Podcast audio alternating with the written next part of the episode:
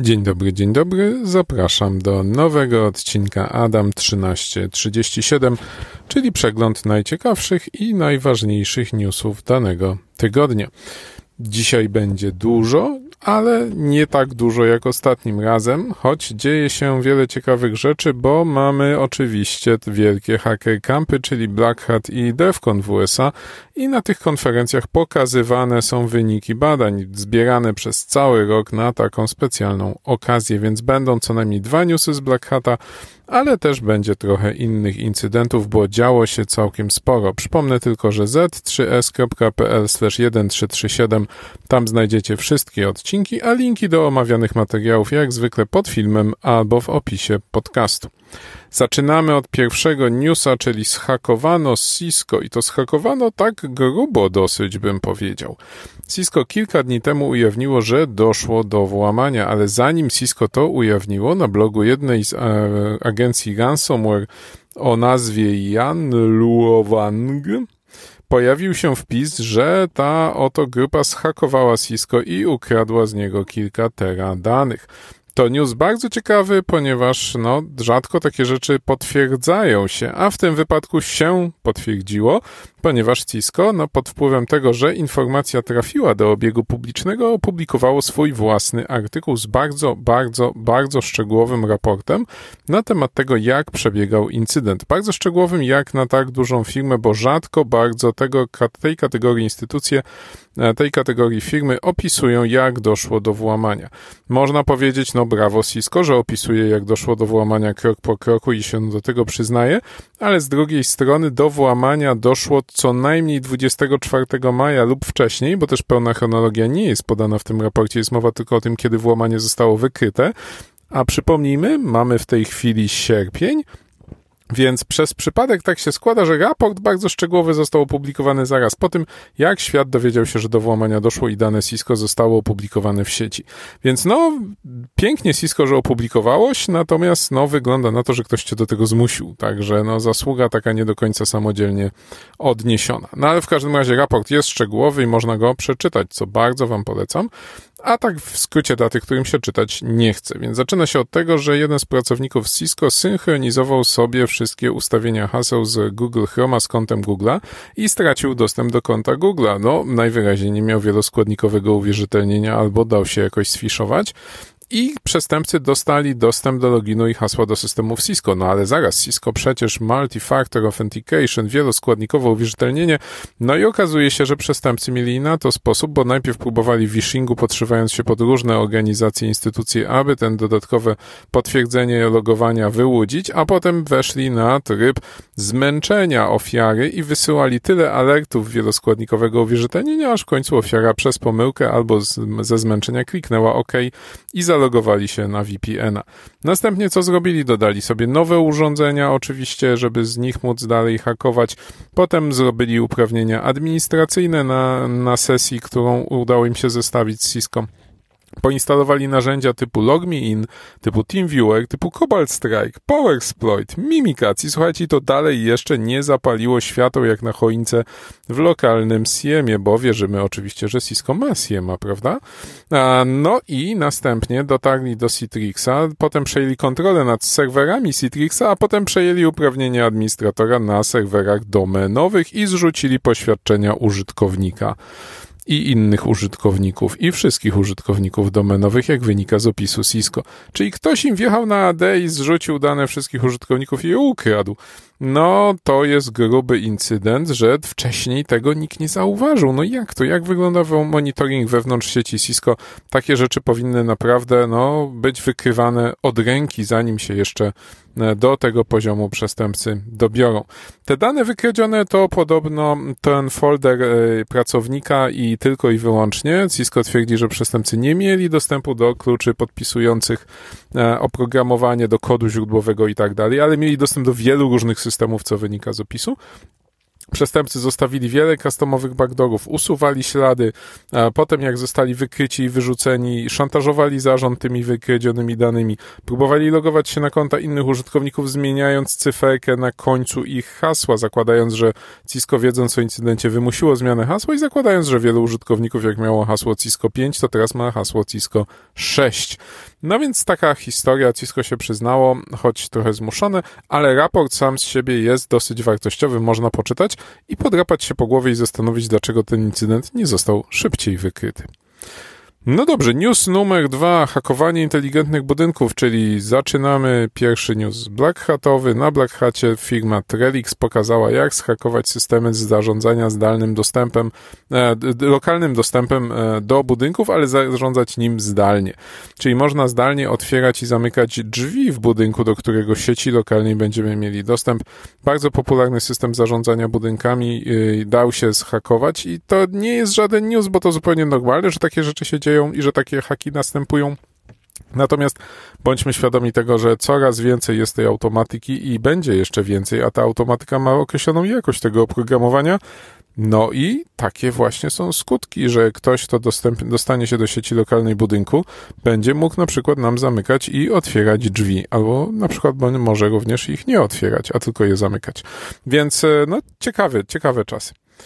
Kolejny news. Zdalne wykonanie kodu w serwerze pocztowym Zimbra. No i znowu nie byłoby to wielką sensacją, gdyby nie to, że e, zaczynamy od tego, że wykryła to firma Volexity, która bohaterem nie jednego już z odcinków mojego podcastu była, ponieważ Volexity analizuje incydenty u swoich klientów, a ma specyficznych klientów takich zaawansowanych, którzy często są atakowani przez zaawansowanych atakujących. I okazuje się, że wielu klientów zaczęło zgłaszać, że przez Zimbrę właśnie ktoś im się włamał. No i faktycznie Volexity znalazł request w logach serwera HTTP Zimbry e, do endpointu, który wymaga uprawnień admina. I to był request do importowania skrzynki pocztowej i był to request do znanej podatności z marca tego roku, która polegała na tym, że trzeba było dostać e, poświadczenia administratora i z nimi zaimportować skrzynkę pocztową ze specyficznym spreparowanym zipem, który powodował, że te pliki rozpakowywały się do wskazanego folderu. Tam był problem, że zip rozpakowywał te pliki nie tam, gdzie trzeba. I można było dzięki temu sobie zapisać jakiś web shell w swoim wybranym folderze i uzyskać do niego zdalny dostęp. Jest taka bardzo, bardzo fajna podatność. Tyle, że wymagała uprawnień administratora, przynajmniej tak twierdził raport Zimbry na jej temat, opublikowany wraz z aktualizacją w marcu. A przypominam, ataki mamy w lipcu. No i Volexity patrzy na te ataki i mówi, no dobrze, no widzimy tego dużo, ale skąd oni mieli to poświadczenie administratora? To warto byłoby również zauważyć. No nie zaktualizowali Zimbry, no ale zaraz, login i hasło administratora to nie jest takie trywialne, żeby zdobyć. No i zaczęli testować, zaczęli patrzeć i wgrywają tego zipa bez poświadczenia administratora, dostają błąd 401, tak jak trzeba, no zakaz dostępu, ale okazuje się, że plik pojawia się tam, gdzie miał się pojawić, więc w ten sposób odkryli, że to zdalne wykonanie kodu jest nie, nie, nie wymaga uwierzytelnienia. No więc bardzo elegancki błąd, bo można, mimo tego błędu, był błąd w kodzie aplikacji, który powodował, że ona mówiła, nie masz prawa wgrywać tego kodu, a z drugiej strony, a proszę bardzo, tu jest ten, ten webshell, który właśnie wrzuciłeś. No i na tym się nie skończy, ponieważ patrząc w logi klientów, Volexity stwierdziło, no dobrze, to poszukajmy tych webshelli, czy ktoś inny nie został jeszcze schakowany. Skoro nasi klienci zostali schakowani, to może jeszcze ktoś inny został. I znaleźli ponad tysiąc takich serwerów Zimbry na całym świecie, często w bardzo poważnych instytucjach rządowych albo i pozarządowych, ale będących potencjalnymi celami ataków zaawansowanych napastników. I zrobili nawet statystyki tych serwerów schakowanych, które znaleźli i Polska zmieściła się na ostatnim miejscu w top 10, bo w Polsce znaleźli 19 schakowanych serwerów Zimbry. Z tego, co Wolex City napisało, to przekazali informacje do certów odpowiednich krajowych, więc jeżeli wasz serwer Zimbry był zhakowany i dało się to wykryć zdalnie, no to pewnie cert już z wami się próbował skontaktować, więc może lepiej czytać maile i odbierać telefony. Co ciekawe, y, no, ludzie nie paczują, tak? I ta podatność opisana przez Zimbrę wskazywała, że błąd y, jest, y, błąd wymaga uwierzytelnienia z poziomu administratora serwera, no ale jednak no, nie wymagał i ludzie nie paczowali, a powinni byli paczować. I kolejny argument do dyskusji pod tytułem, czy może jednak lepiej, żeby ktoś inny zarządzał naszym serwerem poczty, a nie my.